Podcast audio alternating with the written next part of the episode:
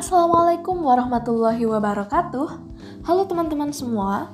Pertemuan hari ini kita akan membahas suatu materi yang berkaitan dengan kolonialisme dan imperialisme. Jadi teman-teman, zaman dahulu sekitar ratusan atau bahkan ribuan tahun yang lalu terdapat negara-negara yang melakukan pendudukan terhadap negara lain. Tujuannya itu apa sih? Jadi teman-teman, tujuannya adalah ingin menguasai dan memperluas wilayah kekuasaan. Banyak dari negara-negara jajahan yang terus dikeruk sumber dayanya, baik alam maupun manusia. Dengan begitu, negara penjajah semakin kuat dengan menguasai tempat-tempat vital atau tempat-tempat yang strategis dari suatu wilayah. Para penjajah ini melakukan kolonialisme dan imperialisme terhadap suatu negara. Nah, sebelum kita pelajari kolonialisme dan imperialisme, teman-teman juga harus paham dulu apa sih yang dimaksud dengan kolonialisme dan imperialisme. Kolonialisme ini berasal dari kata koloni. Nah, koloni menurut bahasa Latin artinya pemukiman. Jadi kolonialisme juga bisa diartikan sebagai upaya yang dilakukan negara-negara penguasa dalam rangka menguasai suatu daerah atau wilayah untuk mendapatkan sumber daya, baik sumber daya alam ataupun sumber daya manusia. Gitu, teman-teman. Kolonialisme ini umumnya dilakukan oleh negara-negara yang merasa memiliki kekuatan militer yang kuat. Contohnya adalah Portugis, Spanyol, Belanda, dan Inggris. Negara-negara tersebut berhasil menguasai negara lain, termasuk Indonesia. Selanjutnya, kita akan bahas terkait dengan imperialisme. Imperialisme berasal dari kata imperator yang artinya memerintah. Imperialisme juga dapat diartikan sebagai suatu sistem dalam dunia politik yang bertujuan untuk menguasai negara lain guna memperoleh kekuasaan atau keuntungan dari negara yang dikuasainya.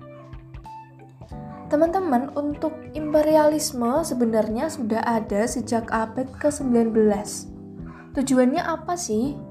Tujuannya adalah untuk menguasai seluruh kehidupan politik suatu negara. Kemudian untuk menguasai sektor perekonomian negara lain, untuk menguasai nilai-nilai kebudayaan suatu negara dan untuk menguasai negara lain karena dianggap memiliki wilayah strategis yang bisa memperkuat pertahanan. Seperti itu. Mungkin di antara teman-teman masih bingung ya bedanya kolonialisme dan imperialisme itu apa? Jadi sebenarnya perbedaannya adalah bedanya kalau kolonialisme tujuannya menguasai serta menguras sumber daya suatu negara, baik sumber daya alam maupun sumber daya manusianya. Begitu. Sedangkan imperialisme bertujuan untuk memberi pengaruh kepada semua bidang kehidupan negara yang dijajah. Bisa lewat politik, ekonomi, budaya, maupun militernya. Kemudian teman-teman, kolonialisme dan imperialisme ini sudah dilakukan oleh bangsa Eropa sejak abad ke-15 di seluruh dunia. Nah, pada saat itu latar belakang bangsa Eropa untuk masuk ke wilayah Nusantara disebabkan oleh beberapa hal. Yang pertama adalah jatuhnya Konstantinopel di kawasan Laut Tengah ke kekuasaan Turki Utsmani pada tahun 1453 yang menyebabkan akses dari bangsa Eropa dalam mendapatkan rempah-rempah yang lebih murah di kawasan Laut Tengah menjadi tertutup dan membuat harga rempah-rempah di Eropa itu meningkat tajam. Sehingga mereka bisa mungkin itu mencari rempah-rempah sendiri ke daerah timur Eropa. Kemudian yang kedua adalah merosotnya ekonomi dan perdagangan bangsa Eropa. Dan yang ketiga adalah terjadinya revolusi industri. Teman-teman, untuk kolonialisme dan imperialisme ini dibedakan menjadi dua.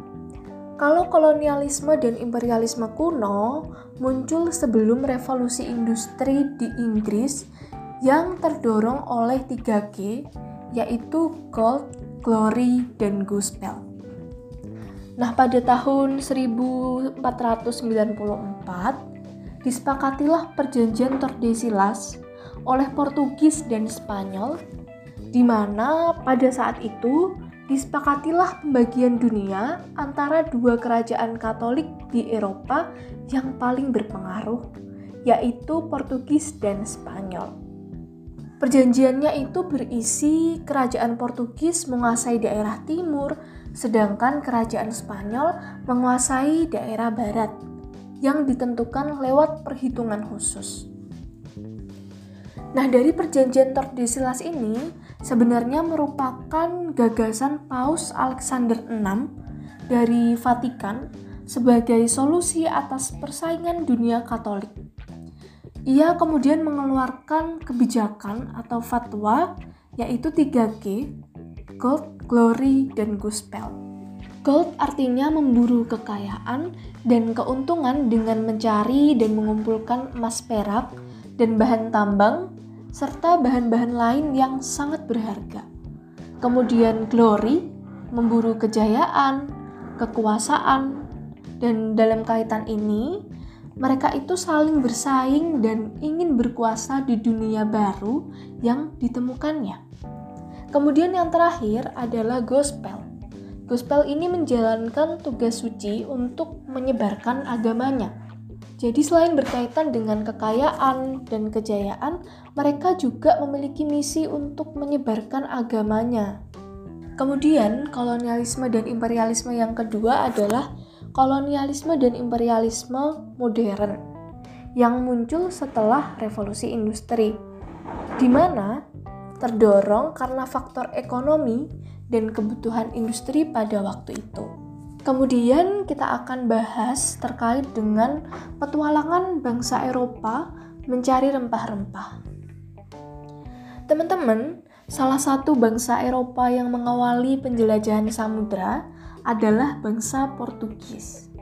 Sebelum berlayar, kapten yang ditunjuk untuk memimpin pelayaran kemudian menyiapkan kru yang siap untuk mati. Karena apa?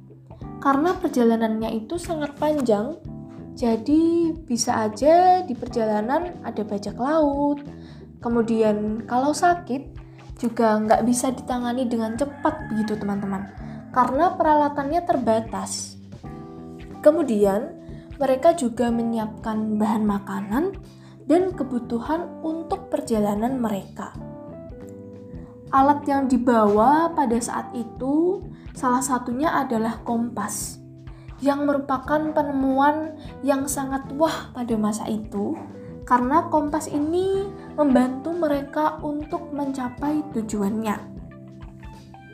Nah, penjelajahan itu dilakukan berkali-kali, banyak banget wilayah yang ditemukan, hingga akhirnya mereka menemukan Kepulauan Nusantara.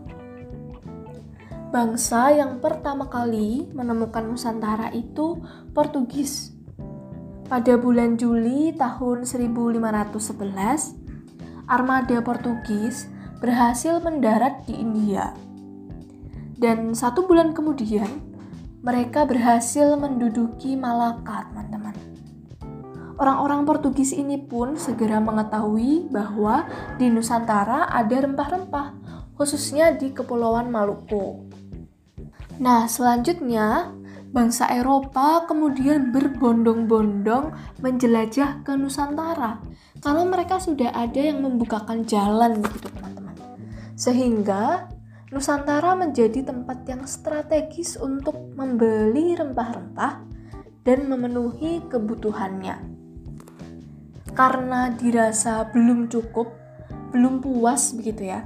Bangsa Eropa kemudian datang ke pulau-pulau lain di Nusantara dan menjajah satu persatu daerahnya. Sehingga terjadilah kolonialisme dan imperialisme di Nusantara. Gimana teman-teman materinya? Apakah bisa dipahami? Yuk kita diskusi bersama di dalam channel diskusi. Wassalamualaikum warahmatullahi wabarakatuh.